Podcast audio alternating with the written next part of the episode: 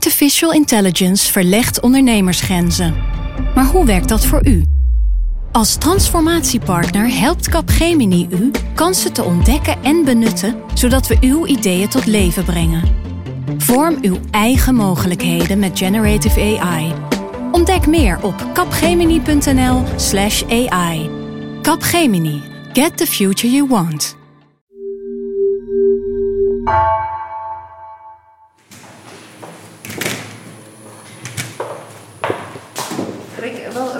Wil jij nou ne- nemen? Heb je die niet gezien? Als je daar loopt, dan loop je dus helemaal onderlangs. En dan loop je langs de VVD, om de oude zaal heen. En dan aan het eind heb je dat hele rare doorsteekje waar je onder die onderdoorgang doorgaat. Trap je af, trap je op.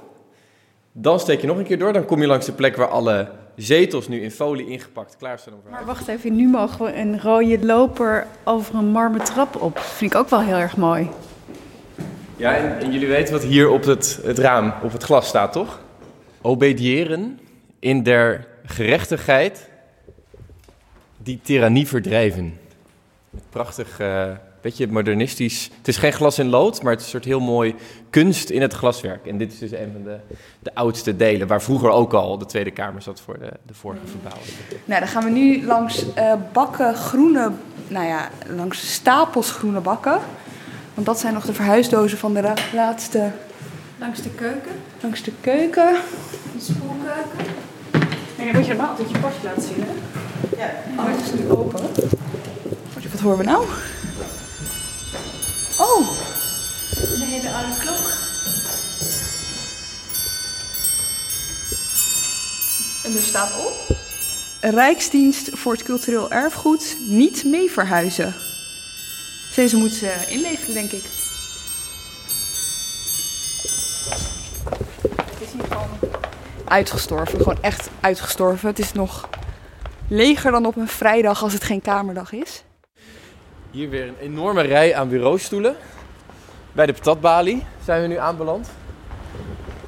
Het heeft toch ook wel iets geks, hè? Een gebouw dat helemaal leeg is en waar je hoort nog wel het, het geluid van de roltrappen. Planten beginnen al te verschralen, zie je? Oh ja, maar hier komen we niet doorheen. Nou, Die deuren zijn dicht. Ik krijg ze niet meer open, hè? Hierdoor? Gaan we hier doorheen? Ja, maar kijk ook dit is heel, weer open. Hier, hier met de open. Easy. We moeten het juist nu goed opslaan, want dan kennen wij het hier straks beter dan de kamerleden.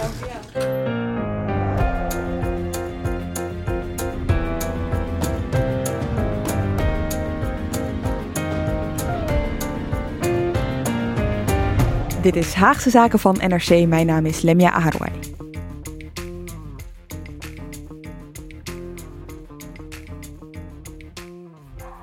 Ja, het zomerreces is begonnen, maar dit jaar hoef je ons niet te missen, want Haagse Zaken blijft voor het eerst de hele vakantie gewoon bij je. En vanaf het begin van Haagse Zaken hoorde je ons altijd vanaf dezelfde plek. Dat is de studio in de Mediatoren, die eerlijk is eerlijk zijn gebreken kent. Tot voor kort draaide alles hier op Windows 98, heb ik me laten vertellen. Heeft wel eens voor de nodige paniekmomenten gezorgd, omdat een opname ineens verdwenen bleek te zijn. Toen eh, heeft de backup ons gered. Maar meer dan eens werden onze gesprekken ook onderbroken door het gefluit van de wind buiten. Dat hoorden jullie dan allemaal, daar kregen we dan mails over. En dat het hier niet helemaal geluidsdicht is, hoorden jullie ook regelmatig door het gerinkel op de achtergrond. En dan dachten jullie dat onze telefoons om de haverklap gingen, maar nee, dat was dan de kamerbel. Maar ondanks dat alles is het wel al ruim vier jaar de studio waarin we praten over politiek, zodat jij later vanuit je eigen omgeving mee kan luisteren. Alle ongemakken hoorden nou eenmaal bij het gebouw van de Tweede Kamer. Hoorden, want je kan het niet hebben gemist, de Tweede Kamer verhuist. Na het zomerreces verplaatsen alle bewoners, van bodes tot schoonmakers tot de Kamerleden en medewerkers, zich naar een nieuwe locatie. B67, een afkorting voor het adres Bezuidenhoutseweg 67. In deze Haagse Zaken gaan we het hebben over die verhuizing. Je hoort over de geschiedenis van het Binnenhof, over waarom bewoners maar moeilijk afscheid kunnen nemen van het gebouw. En we halen herinneringen op, een soort uh, ja, terugblik op een gebouw eigenlijk. En dat doe ik met uh, nu nog bij mij in de mediatoren Tietja Ketelaar en Rick Rutte. Welkom allebei. Hi. Hey, hoi. Ja jongens, zijn jullie al een beetje bezig met afscheid nemen van deze plek? Het wil hier nog niet echt wennen. Het was net heel hallucinant dat we zo door het gebouw liepen en dat alles dan leeg is. Dan voel je al een beetje zo'n Ik weet niet of je vroeger ook wel eens, toen, wij nog jong, toen jij nog jong was, Lemje, of je dan ook wel eens zo'n leeg gebouw hebt, hebt gekraakt met vrienden. Of dat je dan een beetje ging, ging, binnen ging kijken. Daar deed het net een beetje aan denken. Het is ontzield. Als we hier dan weer zo zitten, dan denk ik, uh, ja, ik kan me nog niet helemaal voorstellen dat dat straks op een hele andere plek gebeurt. Ik denk dat voor mij de realisatie pas komt als de schuttingen strakjes staan. En als je als inwoner van Den Haag niet meer over het binnenhof kunt lopen. En dat kan nu nog wel. Ja, ik moet zeggen, ik ben het tegenwoordig ook dagelijks gaan doen nu het nog kan. Dus eventjes een wandeling zo om het Tweede Kamergebouw heen, bij AZ erin en dan aan de andere kant eruit. Klinkt niet alsof jij al afscheid hebt genomen, Lily. Gaan we het straks nog over hebben. Oké, nou, voor wie het niet helemaal heeft meegekregen, de Kamer gaat dus verhuizen. Waarom, Titia? Nou ja, het belangrijkste is, dit gebouw is gewoon niet meer brandveilig. Dus al die verhalen van Kamerleden die hoorden over een mooi pand, bla bla. Het zal allemaal wel. Jongens, de brandweer heeft gewoon gezegd. Er moet verhuisd worden. Het kan zo niet langer. En nou, volgens mij, Lemja en Rick, jullie hebben het ook wel eens gezien. De draden hangen hier gewoon uh, naar buiten. En als er brand uitbreekt in dit pand, dan is het, is het gebouw ook niet meer te redden. Het is de brandveiligheid en er is natuurlijk nog veel meer mis met het pand. En eigenlijk hebben alle, alle fracties weten dit ook. Alle Kamerleden weten dit ook, want bijna iedereen heeft wel een eigen verhaal. Een voorbeeldje. Bij de SP is het plafond een paar jaar terug naar beneden gekomen. Bij de VVD uh, eh, waren alle kranten deze winter door en door nat, omdat de sneeuw door het plafond aan het lekken was. Bij GroenLinks heb ik van uh, Kamerlid Corine Ellemeet een trucje geleerd waarmee ze de muizen kon verdrijven, zodat die allemaal in één keer wegrennen. Dan moest je heel hard op de grond stampen. En dan kon je in één keer door de gang rennen zonder al te veel last te hebben van de muizen. Dus iedereen, iedereen weet ook wel dat er van alles mis is. En je merkt het als je het in het gebouw niet meteen ziet, dan is het vaak soms net een kwestie. Dan hangt er ergens een mooi tapijt aan de muur. Als je dan zo het tipje van het tapijt zo omhoog haalt, dan zie je ineens wat voor uh, misère daar allemaal uh, daar, daarachter zich bevindt. Dus stiekem weet iedereen natuurlijk ook heel erg lang dat van alles vervangen en verbeterd moet worden. Ze willen alleen niet weg. Ja, en dat komt omdat dit, dit gebouw voor veel bewoners ook een soort van plek is, ze kennen niet anders. Hier loop je iedere dag naar binnen. Uh, hier, het is een gebouw vol gewoontes. Nou, daar gaan we het straks nog wel even over hebben. Maar eerst eventjes, het is nodig. Die verhuizing gaat ook gebeuren omdat er zoveel mis is in dit gebouw, moet er dus uh, verbouwd worden. En dat betekent dat iedereen hier zal moeten verhuizen naar een ander gebouw. Ja, ze hebben zich daar nog heel lang tegen verzet, trouwens, de Kamerleden. toen ze daar eigenlijk achter kwamen hoe groot die verbouwing ging worden, hebben ze eerst nog geprobeerd die verbouwing zo veel mogelijk in te perken. Nou, dat ging niet, want we hebben het net gezegd en gehoord. Er was van alles nodig. Toen hebben ze nog hun best gedaan om in Elfel hier te kunnen blijven zitten. Maar dat kwam er ook niet van. Want al snel bleek dat jaren geleden de Kamer al had ingestemd met een verbouwing waarvoor ze ook moesten verhuizen. Nou, tot het laatste moment heeft toenmalig Kamervoorzitter Ariep nog geprobeerd om er toch nog een stokje voor te steken. Konden ze hier niet blijven en dan moest het maar 10 of 15 jaar duren. Prima, maar dan zouden ze gewoon door het gebouw gaan verkassen. Nee, zei Knops, dit is de beste oplossing. Dit is het snelst. Hij had er al een prijskaartje aangehangen. Hij had al bedacht hoe lang het zou duren. Vijf en half jaar, half miljard euro. Dat zou het worden. Niemand hier gelooft dat het vijf en een half jaar gaat duren. Nee, en ook die, dat prijskaartje, daar kregen we ook al meteen van te horen dat het net iets anders uitviel. De dag dat de Kamer met reces ging, de vrijdag, ook heel toevallig net op het moment dat de meeste kranten al naar de drukker waren en hun, uh, uh, hun verhalen vol nostalgie over het oude Binnenhof hadden gepubliceerd. Toen stuurde Knops, de staatssecretaris die daarover gaat, stuurde een brief naar de Kamer om te zeggen: Oh, trouwens, we hebben het nog even opnieuw berekend. Het wordt niet een half, maar driekwart miljard euro. Ongelooflijke prijsstijging natuurlijk. Ook daar had iedereen stiekem al wel een beetje op gerekend. Dat... Ja, want eerder had hij toch al iets gezegd over de beveiligingskosten kunnen anders uitpakken, zoiets dergelijks. Dus er stond toch al zo'n beetje. Dit zat inderdaad al een beetje in de verwachting. Het is wel heel erg cru dat je dan net eigenlijk op dat moment ja. ermee aankomt zetten. En het, het leverde wat gedoe op. En dat kon je ook precies aanzien komen. Want je weet eigenlijk al vanaf het begin, niemand heeft zin in die verhuizing. En elke keer dat er ook tot nu toe een moment was dat er even getwijfeld werd kon dit wel? Of het nou stikstof was, of het de, noodzaak was van extra medewerkers in de Kamer, de beveiliging, merkte je ook dat die Kamerleden zeiden, zullen we er niet nog eens een keer over nadenken? Dus Knops wist eigenlijk, als ik het eerder bekend maak, dan uh, krijg de Kamer tegen me in het harnas. Dus die maakte net op het moment dat eigenlijk niemand zich meer kon verweren, kan hij nog even aanzetten met een enorme kostenstijging. Maar het had ook niet anders gekund. Wat ik vanuit het stadsbestuur van Den Haag hoorde was... als de Kamer nu niet vertrokken was en weer had gezegd... dit doen we niet, dan had de brandweer ze er gewoon uitgestuurd. Overigens zijn deze kosten, of de toegenomen kosten, eh, die eh, zijn door beveiliging en verduurzaming. Hè? Dat, dat stond in die brief van. Vooral de, de, beveiliging. Dat, dus het is ook begrijpelijk. Er is een, een dreigingsanalyse van de NCTV die gewoon zegt: de, de, beveiliging die nu is ingepland, die is gewoon niet voldoende. Die moet een stuk beter. Ja, helemaal verrassend is dat niet iedereen zag het al van heel ver aankomen. Ja. Hey, nou is die plek belangrijk. Je, je merkt dat de politiek heel erg gehecht is aan, aan, deze historische gebouwen. Ook aan het nieuwe deel overigens. Maar dat is het Tietja ook voor de stad. Hè? Voor Den Haag is het gewoon een plek van grote betekenis. Ja, want deze stad had niet bestaan zonder het Binnenhof. Um, die Hagen was letterlijk de verblijfplaats van de Hollandse graven vanaf Floris IV. Graaf Willem II is in 1248 begonnen met de bouw van een kasteel. Dat werd vertoond door zijn zoon met een, grote zaal. Die kennen we nu als de Ridderzaal. En waarom kwamen ze hier? Er lag een prachtig bos waar je heerlijk kon jagen. Natuurlijk dicht bij, de, bij het strand en bij de zee. Nou, nog altijd de dingen waarom je graag in Den Haag wil wonen. Vervolgens, edelen wilden daar natuurlijk dichtbij uh, bij de graven wonen. Dus die gingen wonen rondom wat nu de Hofvijver is. Daaromheen ontstonden er allerlei ambachten. En zo ontstond een dorp. En dat groeide uit tot een stad. Weliswaar een stad zonder stadsrechten. Die kwamen pas in 1801. Maar het was dus een dorp met de rechten en de privileges die een stad had. En, en zo groeide Den Haag langzaam uit tot een bestuurscentrum. Helemaal toen um, tijdens de Republiek der Verenigde Nederlanden Den Haag een, een, neutrale stad was, neutraal gelegen. Want het was nooit een handelscentrum zoals Amsterdam en Rotterdam en mhm. Antwerpen wel waren. En de Staten-Generaal kwamen hier zitten. En eigenlijk opmerkelijker is dat in de 19e eeuw dit het bestuurscentrum bleef. Koning Lodewijk Napoleon wilde het afbreken.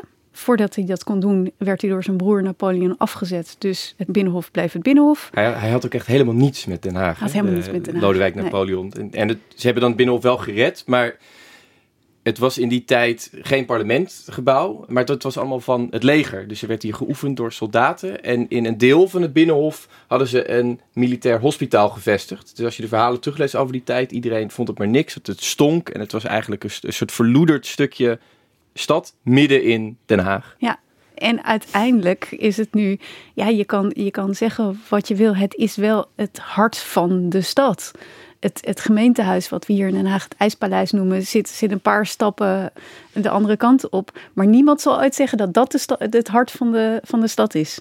Ja, dus de Ridderzaal is het eerste gebouw hier van dit historische complex dat, dat, dat er als eerste stond. De zalen daarachter, de grafelijke zalen. Dus daar in een fietsenkelder staat het oudste stukje muur uit de 12e eeuw. Niet zomaar een fietsenkelder? De fietsenkelder van Mark Rutte. Ja, precies. 1848, dat is natuurlijk een jaar dat wij allemaal kennen. Uh, grondwet, Torbekken, het zijn allemaal van die uh, woorden die je vast wel eens een keer met geschiedenis hebt gehad. Dat is ook wel een bepalend jaar geweest in ieder geval voor dit complex en de rol die het nu nog steeds heeft. Ja, want ik zei al, uh, voor Den Haag is dit het hart van de stad. Toen wilde eigenlijk de, de Staten-Generaal laten zien dat de macht bij hen lag en niet bij de koning. Zij wilden dit complex afbreken en de Hagenaars kwamen in verzet en die zeiden, dit moeten we toch blijven behouden. Nog een leuk detail. Nederland is het enige uh, land in de westerse wereld waar het, de regering, het parlement, de koning niet in de hoofdstad zitten. Dit is niet de hoofdstad van het land, zoals jullie weten wat natuurlijk ook meehelpt voor de stad Den Haag. Dit is natuurlijk een enorme toeristische trekpleister. Je ziet hier altijd dagjes mensen. Ja, kom je naar Den Haag, dan kom je voor, voor het strand en toch ook een beetje voor, voor het binnenhof. Dus dat is ook iets waar, waar de stad zich zorgen over maakt. Wat, wat gebeurt er als hier een enorme schutting om het uh, binnenhof staat? Ik, ik zei al net van ja, ik, voor mij is de verbouwing begint pas wanneer die schutting er is. En als ik niet meer over het binnenhof kan lopen. Want mhm. het is voor ons ook gewoon een stukje openbare weg. De snelste route, als ik niet door de mensenmassa's wil lopen van mijn huis naar boodschappen doen, is over het binnenhof. Dus ik zie jou vaak, Lemja, dan bij, uh, vaak nu tegenwoordig bij de formatie, dan uh, bij de hekken staan, wachtend op uh, Mark Rutte en Sigrid Kaag. En dan kom ik met mijn boodschappentasje langs gelopen. Dat was toen de formatie nog transparant was tot een enige ja. hoogte. en um, ja, en denk eens in al die bezoekers, weet je, alleen al die via Prodemos binnenkwamen, dat waren 100 108.000 scholieren en 45.000 volwassenen in 2019. Uh, al die rondleidingen. Dan weet, weet het stadsbestuur weet nog niet eens hoeveel toeristen uh, je gewoon niet eens een rondleiding doen, maar hier binnenkomen, een selfie maken voor het torentje, even kijken van oh hier rijd ik een gouden koets. Dus in de gemeenteraad zijn ook heel veel vragen over wat dit dan betekent voor het toerisme, voor de economie. Denk aan al die Kamerleden die naar de kapper gaan hier om de hoek, die naar de, naar de schoenenlapper gaan om uh, hun schoenen te laten bijzolen, uh, een kopje koffie drinken op het plein. Zeker, het gaat, al die eetgelegenheden hier omheen, die maken zich ontzettend veel zorgen natuurlijk. Dat zijn voor een paar jaar toch wel wat minder vaste klanten Ja. Ja, dat klopt. Ja, om te zorgen dat het dan geen dode plek wordt, heeft uh, de gemeente afspraken gemaakt met de Rijksgebouwendienst. Die gaan een uitkijktoren bouwen. Uh, dus waar nu de haringkraam uh, staat, daar, daar komt een soort toren over het dak heen. Zodat je dan steeds in het oude gedeelte bij de ridderzaal naar binnen kan kijken. Om te kijken wat er gebeurt in of de botten van Johan van Oldenbarneveld daadwerkelijk gevonden worden. En dan worden er, dat noemen ze hardhead tours. Dat is dan dat je zo'n zo'n uh, helm opkrijgt. En dan het archeologische gedeelte kan bekijken. En dan verder nog iets met tentoonstellingen. Nou ja, er wordt van alles gedaan om toch in die vijf jaar uh, deze plek toch een beetje nou ja, aantrekkelijk te houden. En als een soort doekje voor het bloeden krijgt Den Haag iets terug voor de verbouwing, namelijk... Een gracht. Ja, het is wel een beetje een pieterpeuterig nepgrachtje. Waar? Maar het is een gracht. Uh, nou ja, precies van de Haringkraam tot het pleintje uh, op de hoek. Nou, vlak voor onze redactie eigenlijk. Daar, Waar vroeger daar natuurlijk komt... ook een gracht liep. Ja. Omdat ooit dit helemaal door een gracht omgeven was. Je kan dat zelfs nog zien in het gebouw als je er doorheen loopt. Er zijn ook Binnenhof insiders die noemen dat ook nog wel de gracht. Het echt een soort verdiept deel is. We liepen er oh. net langs. Daar lag ooit een gracht. En daar is nu natuurlijk dat hele nieuwe complex overheen. En je, je ziet het aan de muur daar. De muur heeft twee kleuren. Eén waar het water altijd heeft gezeten, tot het droog gelegd werd. En één ja, wat boven het water was. Geweldig. Dus er komt een gracht als, Grachtje, als een ja. Oh, hier worden meteen de verwachtingen gemanaged. maar als een soort van tegen, als een soort van cadeautje voor de moeite. Ja, zo kunnen we het zien. Ja, ja. Een goedmakertje. Een goed en tegelijkertijd, Rick had het net over hoge kosten voor beveiliging. Als je een stukje gracht doet, dan is het ook weer het gebouw wat moeilijker te bereiken. Dus, dus het heeft ook een deel met veiligheid te maken. Een deel met de kelderverdieping waar hij komt. Daar moet lichtinval zijn. Nou, dat kan je dan makkelijker met een gracht oh, doen. Wat slim. Ja. Zit, alles zit weer natuurlijk een functionaliteit achter. Juist. We hoorden uh, vooral de politie de afgelopen tijd. Die hebben zelf ook al veel gesproken over die verhuizing, over hoe ingrijpend ze het vinden. Maar uh, Rick, uh, jij sprak ook met mensen die hier ook veel werken, hebben gewerkt in dit gebouw. Die hebben geen blauwe stoel in de plenaire zaal, maar die zijn wel onderdeel van, ja, van, het, van het Kamerbedrijf. Ja, wat we natuurlijk niet moeten vergeten is dat dit, het, het, precies dat, het Kamerbedrijf echt een bedrijf is. Allereerst hebben we die Kamerleden, dat zijn er 150, die kennen we allemaal wel. Die hebben hun medewerkers en woordvoerders, alles wat aan het apparaat van de fracties hangt.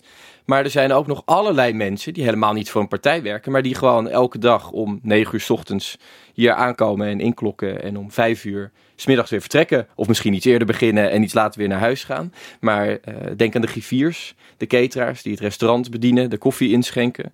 De stenografen die alle debatten meteen uittypen.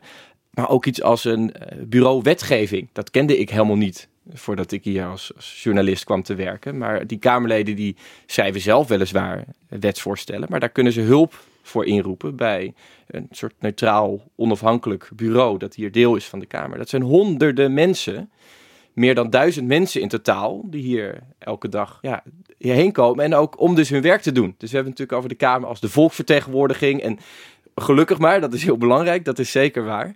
Maar ook als we het hebben over die verhuizing en die verbouwing. En waarom het nou nodig is om allemaal dingen aan te passen.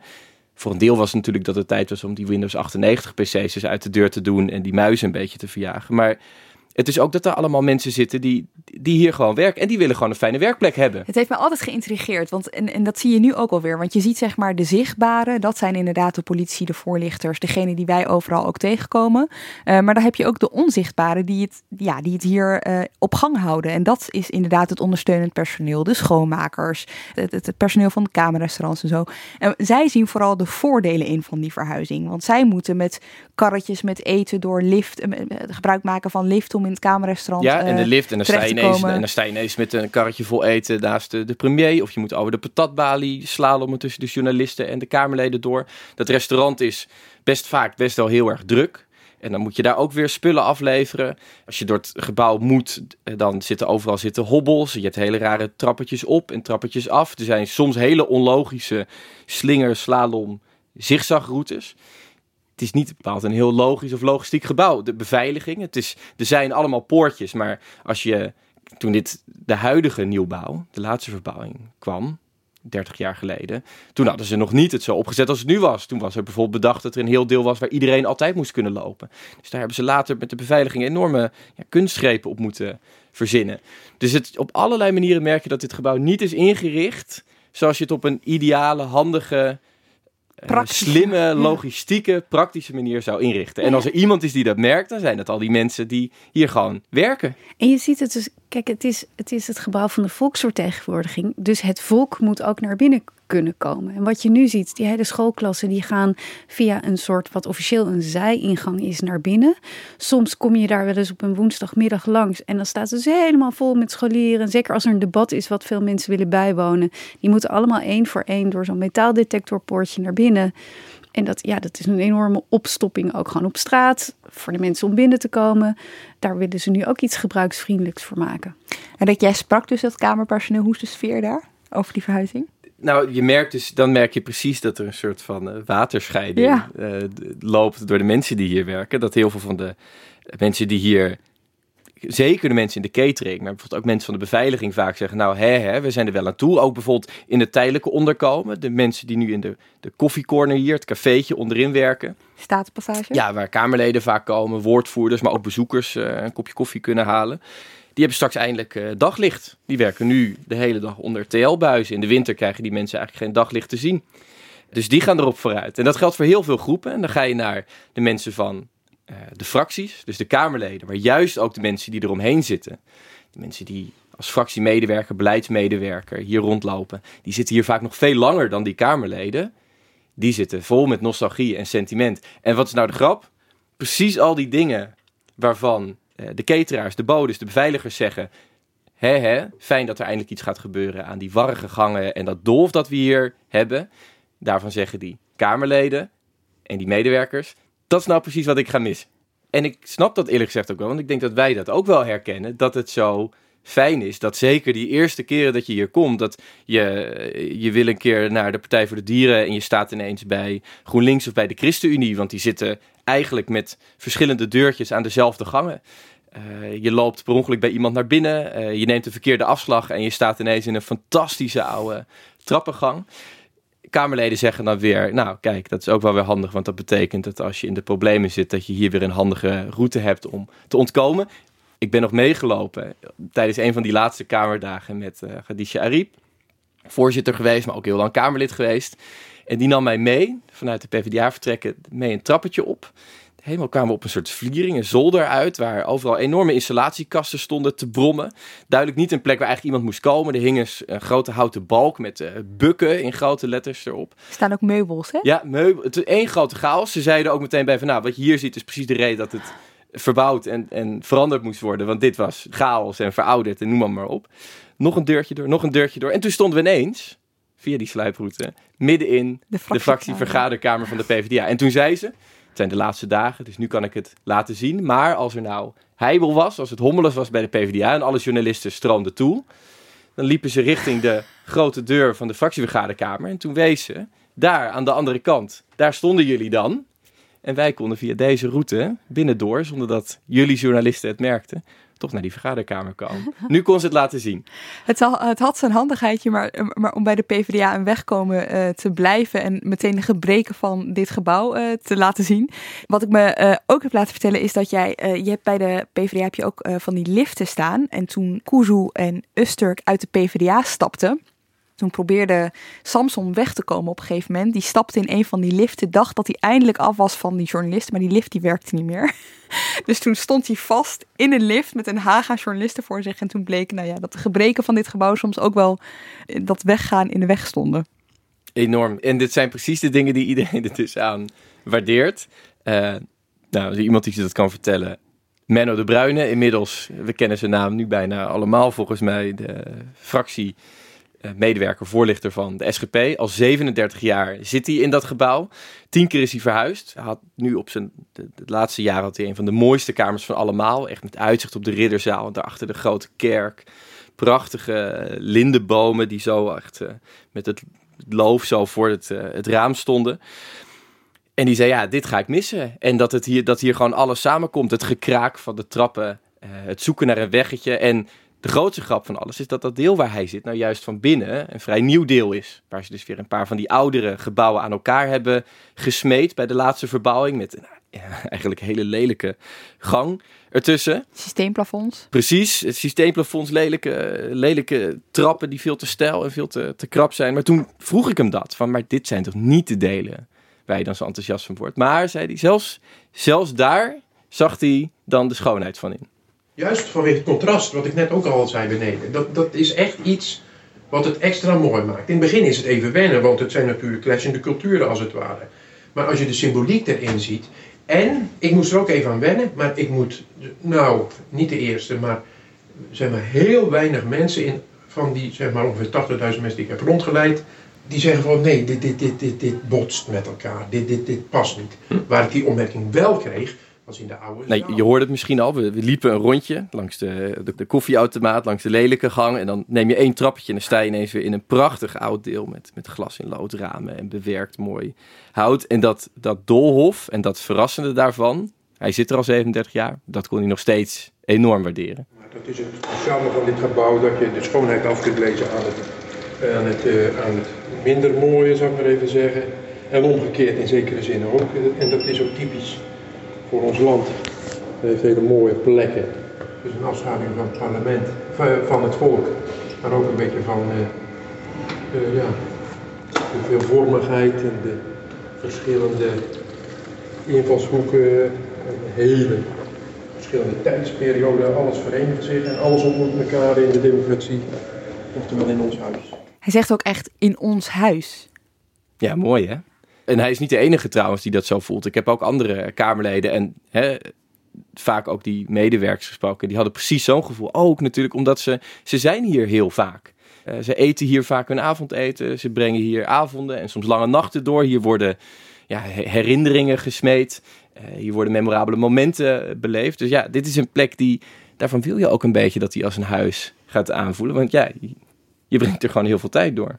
En er was nog iets, en dat vond ik heel mooi aan wat Menno de Bruyne zei. En dat was dat hij het ook heel erg zag als een afschaduwing van, van Nederland en de Nederlanders als volk. En dat het daar zo goed bij paste. Maar laat nou dit typisch Nederlands ook zijn. Alles lekker dicht bij elkaar. We zijn bepaald geen groot land. Uh, maar ja, nee, ook een beetje kneuterig in zekere zin. Maar ja, dat past wel bij Nederland en dat afwisselende. En alles ook zo dicht bij elkaar, hè. Uitvoerende macht, torentje. Je kan het allemaal binnendoor kun je het bereiken. Als je de weg weet en de goede sleutels hebt, kan ik van hier uh, daar komen, maar wel binnendoor. Lekker in het land waar het altijd regent. Ik heb die route gelopen onlangs nog. Want nou ja, net zoals jij, Rick, eh, ben ik uh, nu het nog kan het hele gebouw doorgelopen. En je kan dus inderdaad via de Tweede Kamer naar de Raad van State, naar de Eerste Kamer. En dan loop je op een gegeven moment tegen een deur aan. En daar stopt het wel zo'n beetje. Dat is zo'n deur die dan verstopt zit in het behang, als je snapt wat ik bedoel. En als je die opentrekt, dan staat er aan de andere kant een witte deur. En die leidt naar algemene zaken. Ik heb het niet aangedurfd om daar aan te kloppen. En dan heb je dus de lange route genomen. Want ik heb ook wel begrepen dat er ook een korte route is. Boven het poortje dat bij het torentje en het Mauritshuis zit. En dat komt dan aan de kant van de Kamer weer uit bij de SGP. Waar zij hun vergaderkamer hebben, geloof ik. Ja, er is, het schijnt ook een, een, eh, een kelderroute te zijn. Ja. Dus je kan zeg maar ik, via de eerste verdieping, maar je kan ook via de kelder. Ja, en dan is dat dus niet, dat is dan ook niet de enige kelder, want jij en ik hebben onlangs allebei nog in de kelders gestaan die onder bij het CDA en bij Forum zitten. Ik was daar voor het eerst, moet ik zeggen. Jij ook? Ja, ik was er ook voor het eerst. Maar daar hingen eh, kroonluchters en uh, daar stond echt van alles waarvan je dacht, wat doet dit in een kelder? Geen licht, dus het was wel even schijnen met de telefoons. Maar het is voor je beeld, je, doet een deurtje open. Een deurtje, want het is een, laag eh, plafond aan het begin. En dan staat er een wasmachine. Het ruikt ook ontzettend lekker, want zijn daar, ja, dat is denk ik een soort van wasverzachter of zo wat je ruikt. Maar als je dan verder de trap afloopt, dan kom je in een soort van, ja, hoe kun je het het beste omschrijven?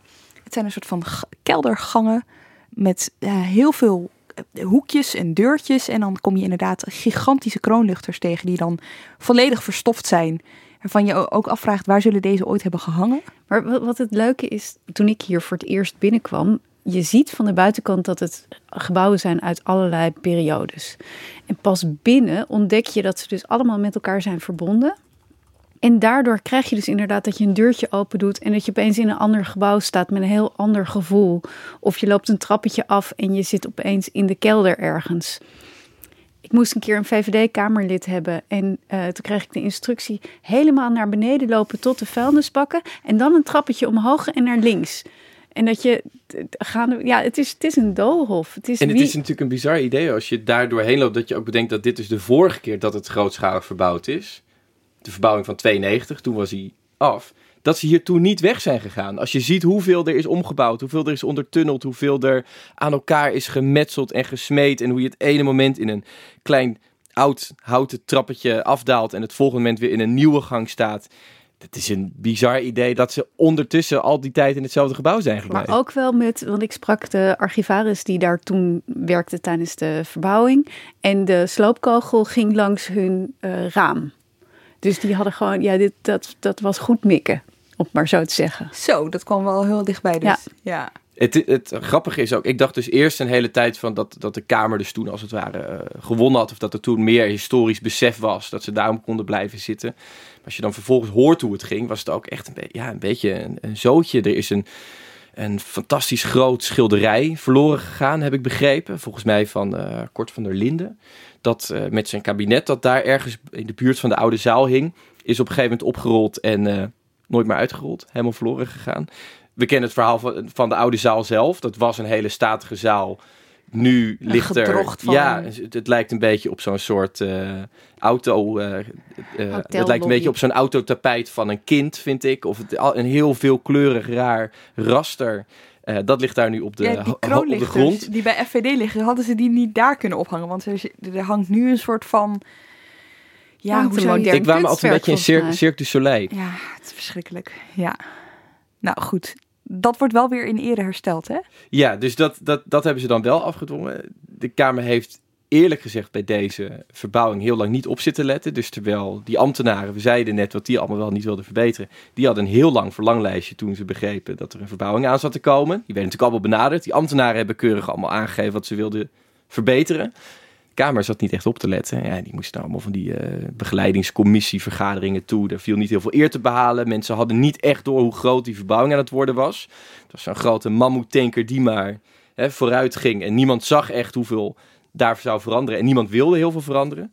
En toen op het allerlaatst uh, kregen ze pas door hoe, hoe, groot en omvangrijk dat zou worden. Toen hebben ze de grootste vernieuwingen eruit gesloopt. En eigenlijk hebben ze één dingetje toegevoegd. En dat is om de oude zaal weer te herstellen naar hoe die vroeger was. Dus de motie van de SGP. Het motie van de SGP, het historisch besef, is nu wel uh, bij iedereen ingedaald. Ja, jij maakte met Dirk Stokmans een uh, mooie reconstructie over hoe die verbouwing tot stand is gekomen. Of in ieder geval de, de, de aanloper naar. Uh, daar hebben we ook een aflevering over gemaakt. we hebben meer afleveringen over de Binnenhofverbouwing gemaakt. En die zetten we allemaal in de show notes. Dus dat is goed om te weten. Eventjes, want zo'n oud gebouw kent natuurlijk ook oude tradities de kamerbel die hier altijd klinkt, die je soms dus ook door de uitzending heen hoort, door de afleveringen heen hoort, daar wordt veel over geklaagd door sommigen die er nog steeds van schrikken. Ik heb ook gehoord dat er mensen zijn die vonden het wel prettig als een soort, uh, die, die maakten echt wat van het, uh, het hardlooprondje bijna, dat je dan, want het is vaak natuurlijk omdat er stemmingen zijn, ja. dus je moet naar de kamer komen, die bel is er met een reden. Je kan het ook bijna niet vervangen door een appje of een ander bericht ik heb wel gehoord dat ze het ooit hebben willen vervangen door een muziekje. Dat er echt al plannen voor waren. Ik heb het muziekje niet gehoord. Als iemand het heeft of ergens op een pc heeft staan of het nog uh, of de bladmuziek heeft, ik zou het heel graag horen. Maar allerlei Kamerleden en uh, veteranen van het gebouw die dat verhaal wel kennen, dat er een muziekje was gemaakt zelfs om die bel te vervangen. En dat men toen in het verweer kwam van nee, dat gaan we niet doen. Dus je ziet toch dat ze hechten aan die nostalgie. En dat geldt trouwens niet alleen voor de Kamerleden. Bij de bodes was ook ooit een voorstel om hun outfit, want ze hebben nog zo'n echt zo'n wat pracht en praal erin, aan te passen. Nee, dat willen we helemaal niet, zeiden ze toen. En een paar jaar terug hebben ze zelfs weer zo'n gouden kwastje op hun borst hangen. Dat was ook weg en dat oh, is joh. weer teruggekomen.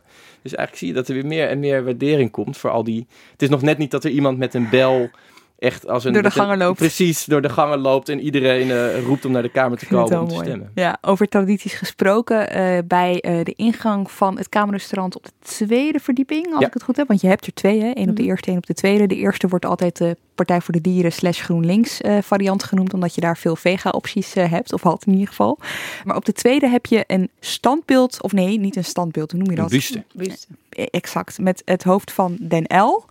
En wat was daar altijd op te vinden? Ja, Joop den L, de PvdA-premier. En die, eh, die werd regelmatig na de, de lunch voorzien van een, eh, een kuipje boter. Die kon je halen bij het, bij het lopend buffet, dus aan de overkant in het restaurant. En dan verscheen daar ineens, niemand wist wie het gedaan had. Iedereen wees naar de VVD. Op het hoofd van Joop den L. Boter op zijn hoofd. Maar eh, we- weet echt niemand wie, wie dat was? De boze vingers schijnen vooral naar VVD'ers Ja, eh, ja. te wijzen. Het mooie van eh, de Den L-traditie is dat zijn dochter op een gegeven moment eh, voorzitter was van de kunstcommissie van de Tweede Kamer. Of de kunstuitleen is het ook. En in de, de binnentuin van de Tweede Kamer staat een hondje. Dat is een kunstproject. Ik weet even niet precies eh, hoe het heet. Maar dat hondje dat knikt ja en knikt nee als er iemand langsloopt. En toen hebben zij het zo ingesteld onder haar voorzitterschap. Dat als iemand van links naar rechts loopt, het hondje nee knikt. En als iemand van rechts naar links loopt, het hondje weer ja knikt. Past eigenlijk heel goed bij het gebouw. Dit zijn natuurlijk verzonnen, bedachte tradities. Maar ook bij de nieuwbouw zaten allerlei foefjes, metaforen, ideeën in hoe dat gebouw moest werken. Dus dat wist ik ook heel lang niet. Ook niet toen ik hier werkte. Want voor een belangrijk deel zie je toch, ja, nieuwbouw die niet altijd even inspirerend is. Maar om een voorbeeldje te noemen, de, de vloeren die zijn van marmer, Braziliaans en Sardijns marmer. Twee verschillende kleuren. Dat staat dan weer voor het strand en de branding. Ik heb begrepen dat je de regen kunt terugzien in de grijze pilaren die je in het gebouw hebt. De plenaire zaal, de grote vergaderzaal, die bulkt eigenlijk. Dus een soort uitstulping vanuit het gebouw, zodat ze niet in het midden van een gebouw verstopt zitten, maar in het midden van de samenleving staan. En dat ze als het ware een wisselwerking met de samenleving hebben. Er is één plek vanuit dat hele gebouw waar je de politie altijd kunt zien. En bijvoorbeeld ook in coronatijd, toen je het gebouw als bezoeker niet in kon komen, waar je toch de politie nog je een glimp van ze op kon vangen. En dat is in de wandelgangen achter die plenaire zaal. Dus in een soort halve maan loopt dat daar rond. En daar kun je ze, omdat die muren van glas zijn, altijd nog zien lopen. En dan is er nog één plek die torent uit boven het parlement, boven de volksvertegenwoordiging. As you know, De mediatoren. de mediatoren. Daar De pers wij nu. staat altijd nog boven het parlement. Ja, het is heel veel symboliek waarvan je wel moet weten wat het is om er ook echt achter te komen. ik Ja, en de, men, en de mensen die die verhalen dan kennen, die zullen je ook, die kennen alles in geuren en kleuren. En die, die kunnen die details inderdaad meteen aanwijzen. En die zijn dan vaak ook een beetje bedroefd dat dat in het, ja, dat, dat heb je dan wat minder in dat tijdelijke gebouw. Maar dit zijn de plekken die, die iedereen wel kent. Al is, was het maar van de beelden of van de foto's. Hè. Ja, goed, in, in de rondgang die wij eh, hebben gemaakt, eh, los van elkaar overigens, kwamen we ook nog wel wat obscurer plekjes eh, tegen. De pingpongtafel in een uithoek van eh, D66, heel hoog in een zolder. Ik weet niet of je daar eh, terecht bent gekomen. Die heb ik niet gezien. Ik werd zelf heel bedroefd van het aantal kamers waar je niet of nauwelijks daglicht had. Dus Ja. alleen een piepklein raampje of helemaal geen raam, waardoor iemand gewoon tegen een muur zat aan te, te werken. Bij de VVD, daar zijn we volgens mij allebei Ja. opgestuurd, eh, zit in een hoek verstopt. Het lijkt een beetje op een soort studentenkamer. Er staan drie banken in en die hadden allemaal zo'n grote afvoeren sticker gekregen. Toen ik er rondliep en er stond nog een krat met leeg pils. En daar bij de deur stond heel groot, eh, stond hij aangekondigd als dit was de VVD-kamer voor Team Online Chill Room. Schrijf Dat hadden ze in schrijf een 1848 horrorverhaal in niet bedacht, hè? De treurigste kamer is misschien niet een kamer waar ik ben geweest met onze fotograaf David van Dam, namelijk een kast. De cadeaukast of de geschenkenkast. En dat werd ons gepresenteerd als de geschenkenruimte. En het bleek inderdaad gewoon een kast te zijn. Je moet je voorstellen dat de kamervoorzitter of de kamer ontvangt ook heel veel buitenlandse gasten. En die nemen dan een cadeau mee. En die cadeaus moeten ergens tentoongesteld. Nou, er stond altijd naast de wc's bij de plenaire zaal stond een, glazen vitrine en er stonden een paar dingen in. Maar de rest ehm, ja, moest natuurlijk ergens opgeborgen worden. En daar zijn David en ik geweest. Heel erg stoffig. Maar dingen als een struisvogel-ei met, het, met het, eh, het, het hoofd van Nelson Mandela erop. En een Afghaans tapijt wat door Karzai was gegeven. Ik herinner me hele kleine autootjes uit Colombia. Nou, we, hebben, we hebben echt daar een dag op de grond gezeten, alles uitpakken en dan David een foto maken en, en uh, kijken of die, die stonden niet toevallig op de weggeefstapel, Tietje? Nee, ik vrees van niet. Want ik, stel je voor dat dus de, de volgende Afghaanse president hier op bezoek komt. Dan wil hij natuurlijk wel zien dat er iets met de cadeaus is gebeurd. En die moeten dan naar de vitrine. Dus um, ja, nee.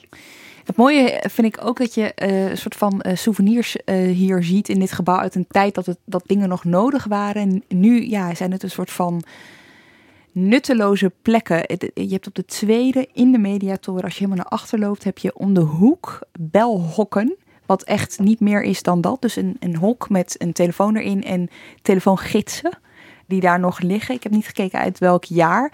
Waar dus vroeger gebruik van werd gemaakt om even te bellen met de redactie. Nou ja, wij zitten bijvoorbeeld in Den Haag, maar de redactie van NRC zit verder in Amsterdam, weet je wel.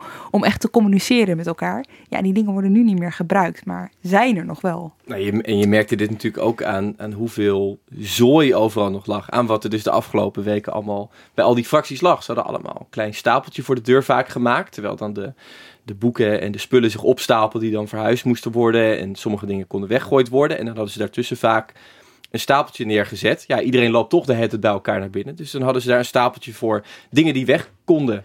Boeken vaak, uh, eh, 0.0 bier bij de PvdA. Klompen, ook bij de PvdA gezien. Jij hebt nog wel een paar dingen meegenomen. Ik heb een prachtige eh, kaart met oesterkweekgronden rond het Noordzeegebied meegenomen van bij de ChristenUnie. Ook dat ze die ooit van een paar demonstrerende oestervissers hebben gekregen. Fantastisch ding. Oud. De, Flevoland bestaat nog niet op die kaart. Maar in een heel mooi houten, hele mooie houten lijstje. Die stond daar op de weggeefstapel.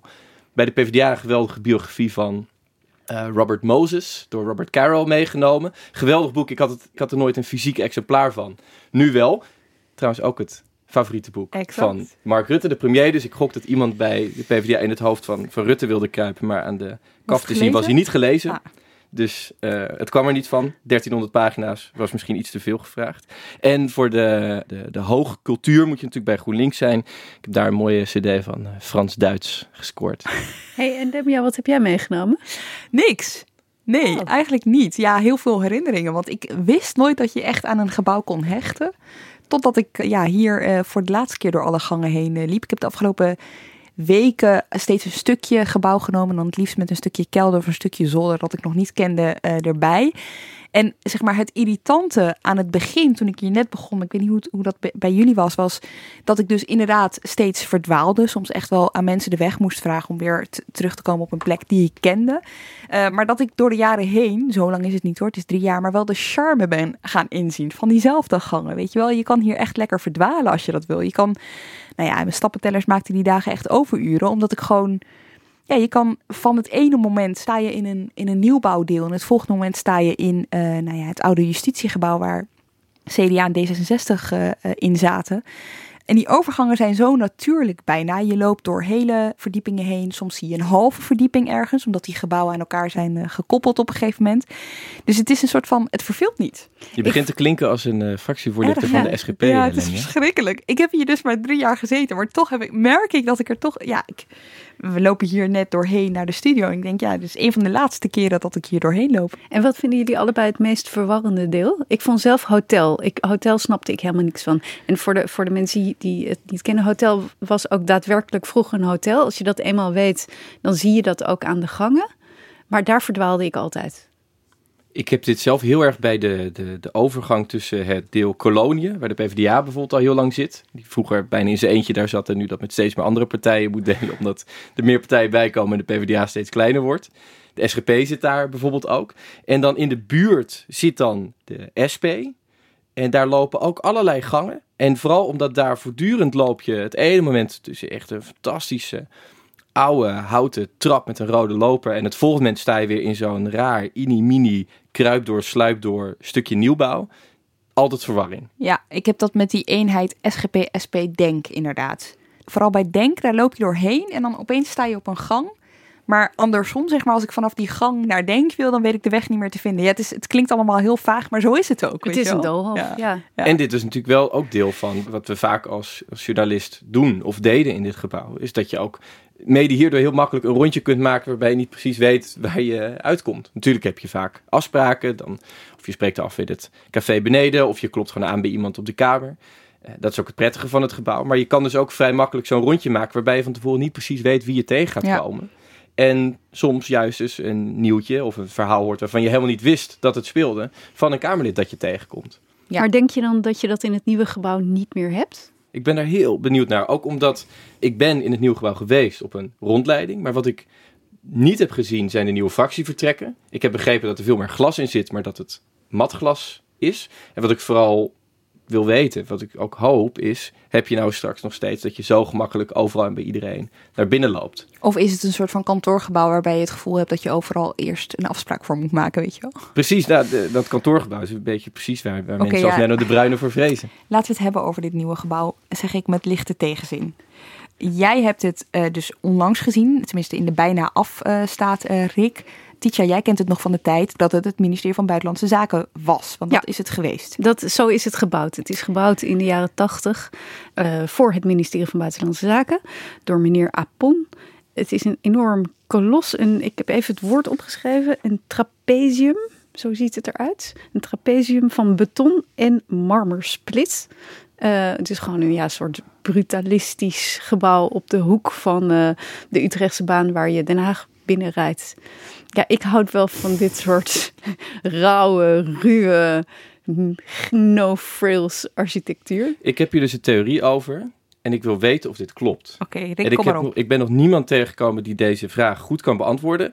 Veel mensen die denken van niet. Sommige mensen die even twijfelen en dan misschien toch denken van wel. De theorie is dat het gebouw, als je het vanuit de lucht ziet, is vormgegeven naar de omtrek van Nederland. Nederland zonder Flevoland. Net als eh, op de Oesterkaart. En eh, dat dat deel zou zijn geweest van het ontwerp. Het is een beetje een vervormde versie. Een beetje een, eh, ja, met wat, wat gekke uitstulpingen. Maar als je je ogen een beetje dichtknijpt, kijk er maar eens naar op, op Google Earth. Dan begin je toch te vermoeden dat er misschien wel een kern van waarheid in zit. Ik heb het alleen nooit hard kunnen krijgen. Ik wil heel erg graag dat dit waar is. Maar ik wil vooral, ja, ik wil heel graag een antwoord op deze prangende vraag. Tietja, weet jij, weet jij hiervan als onze Nee, stadsverslaggever? ik heb geen idee. Eh, Maar misschien zijn er luisteraars die het weten. Ik weet wel dat het dus, als je ervoor staat, dan heeft het de vorm van een rots. Dus het had de bijnaam apenrots. Oorspronkelijke Aponrots, de rots van meneer Apon. En dat werd al snel Oh. apenrots van de ego's van buitenlandse zaken. Hoe hoger je komt, hoe meer eh, eh, mannetjes aap je bent. Ik ben benieuwd welke fractie de bovenlaag krijgt, zo meteen. Maar van, nee, luchtfoto? Ja, check het. Kijk ernaar. En wat ik in elk geval wel weet van de vorm van het gebouw, dat, dat is ook misschien een iets van een eh, voordeel voor de Kamerleden en de andere mensen die er straks moeten gaan werken, ook voor ons, is dat het zo door die vorm die het heeft, eh, heel veel licht vangt. Dus het heeft enorm veel relief, een beetje als een apenrots inderdaad, maar daardoor vang je dus op heel veel plekken iets van daglicht. Ook al is het inmiddels ook wel weer een beetje omgeven door allerlei andere gebouwen. En de ingang die zit ook heel, ja, een beetje verstopt bijna aan de, ja, aan de binnenkant. Niet zoals de Tweede Kamer het plein heeft, waar je nog eh, kan demonstreren of een biertje kan drinken. Ja, maar ho, ho, ho. Ik ga toch even deze stad verdedigen. Want je kijkt uit op het Malieveld. Je kijkt uit op het Haagse bos. Wat is er nou meer een demonstratieplek dan het Malieveld? Ja, maar dan moet je daar Ehm, wel net zitten, zeg maar. aan Als die je aan de andere kant je- van het gebouw ja. zit, dan kijk je uit op... De snelweg. Oké. oké. Nou, en het, maar dit Maar maakt natuurlijk ook uit mensen als je, rijden op de maar snelweg, als Lem, jij, ja. als jij een demonstratie organiseert nu op het plein, je ziet, wat- dat zien wij voortdurend als wij daar lang, er is bijna elke dag is er één, vaak meerdere demonstraties. Het is ook daardoor heel makkelijk om even een Kamerlid aan zijn of haar jasje te trekken en even naar buiten te laten komen. Nou, dat geeft weer wat meer eh smoel aan, aan, aan jouw protest. Dat wordt natuurlijk een stuk moeilijker als je mensen moet vragen om een, een end verderop naar het Malieveld te komen. En dat stukje bij die ingang, met die rare portalen die nog het meest een soort casino doen denken. Ja, daar kun je ook niet zo makkelijk demonstreren. Oké, tot zover de ligging. Maar eh, jij hebt dus iets gedaan, Rick, wat ik nog niet heb eh, willen slash durven doen. En dat is het gebouw ook betreden. Ik heb het zo lang mogelijk uitgesteld. Kun je ons vertellen, want wat ik heb gehoord, ook van jou, is dat ze zoveel mogelijk van het gebouw waar we nu in zitten hebben geprobeerd na te maken. Ja, dus van buiten is er heel weinig veranderd. Dus de, de- er is een ingang bijgekomen die eh, met een soort gouden portalen, ja, messing zeggen ze dan bij het, het Rijksvastgoedbedrijf. Maar van binnen is het echt helemaal op de schop gegaan. Dat is ook omdat de komende vijf en een half jaar, of wie weet hoeveel te worden, eh, zit de Kamer daar. Daarna moet het gewoon een nieuw opgefrist kantoorgebouw Oh, worden. Eh, dus daar is ook heel veel geld ingestoken, 160 miljoen als ik me niet vergis, om het echt helemaal om te, te bouwen. En het is heel hallucinant, want je loopt naar binnen en je ziet inderdaad een soort replica van de Tweede Kamer. De vergaderzalen hebben dezelfde namen. Dus je hebt daar ook een, een groen van Prinsterzaal bijvoorbeeld, zoals we die hier in het gebouw hebben. En een Suze Groenewegzaal, zoals we die hier in het gebouw hebben. De roltrappen zijn er, zoals we ze die hier kennen. Er zijn een paar dingen net verplaatst.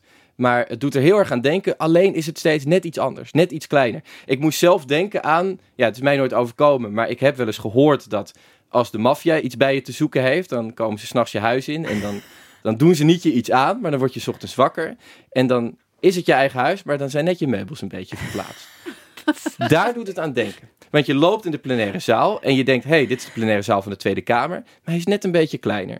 En als je dan loopt door die andere zalen, dan zijn de stoelen net een beetje anders. De omgeving is net een beetje anders. De lichtval is net een beetje anders. Maar dan kijk je op het bordje en dan staat er nog steeds gewoon... Dit is de Suze Groenewegzaal van de Tweede Kamer. In die plenaire zaal krijgen ze dus ook allemaal de, de, de stoelen, die bekende blauwe eh, draaistoelen, waar ze hier ook op zitten. Die zijn hier laatst ook allemaal losgeschroefd. Eh, daar was ik bij, dat was nogal een eh, belevenis. Maar de grap is, daar hebben ze dus ook echt cijfers op geplakt, zodat ze straks ook allemaal op hun eigen stoel weer zitten. Ik sprak een fractie- fractievoorzitter van een centrum-linkse partij die er een beetje voor waakte dat hij straks op de stoel van een uiterst rechtse partij zou komen te zitten. Dat was dus niet het geval, dus daar zag ik enige opluchting.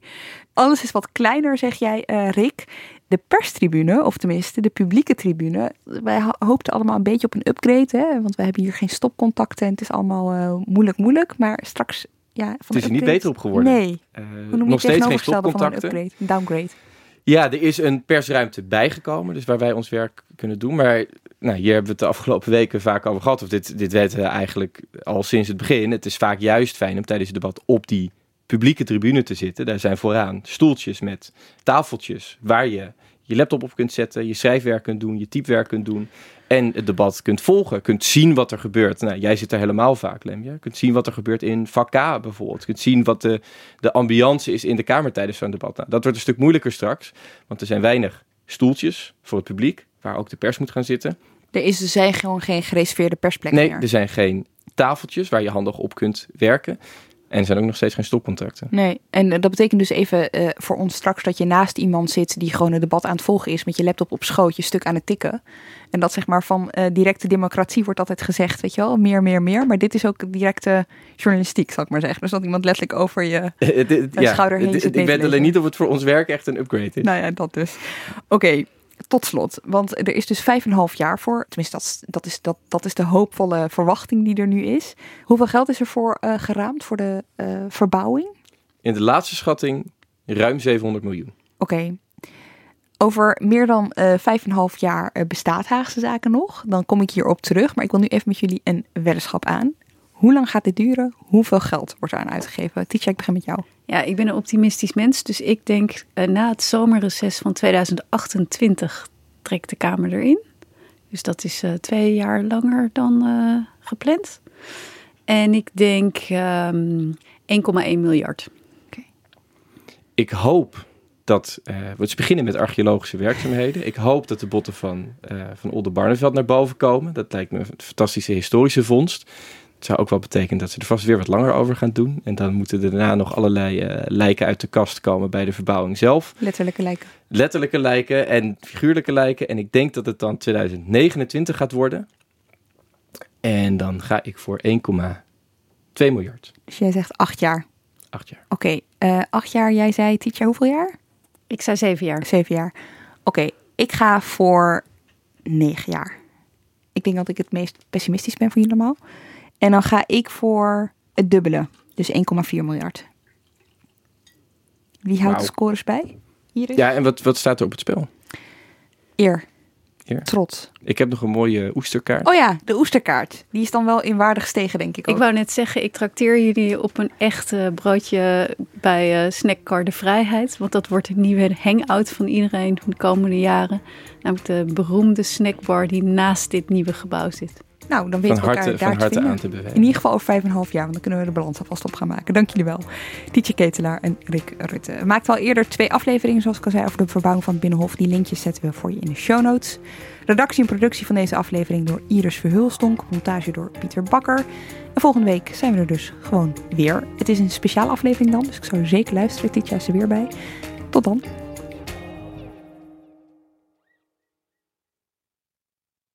Je hebt aardig wat vermogen opgebouwd. En daar zit je dan, met je ton op de bank. Wel een beetje saai, hè? Wil jij, als belegger, onderdeel zijn van het verleden of van de toekomst? Bridgefund is een slimme fintech die een brug slaat tussen de financiële behoeften van ondernemers en van beleggers. Dus wie belegt bij Bridgefund krijgt niet alleen een mooie vaste rente, maar brengt ook ondernemers in beweging. Echt waar, met die ton kan je zoveel betere dingen doen. Bridgefund. Make money smile.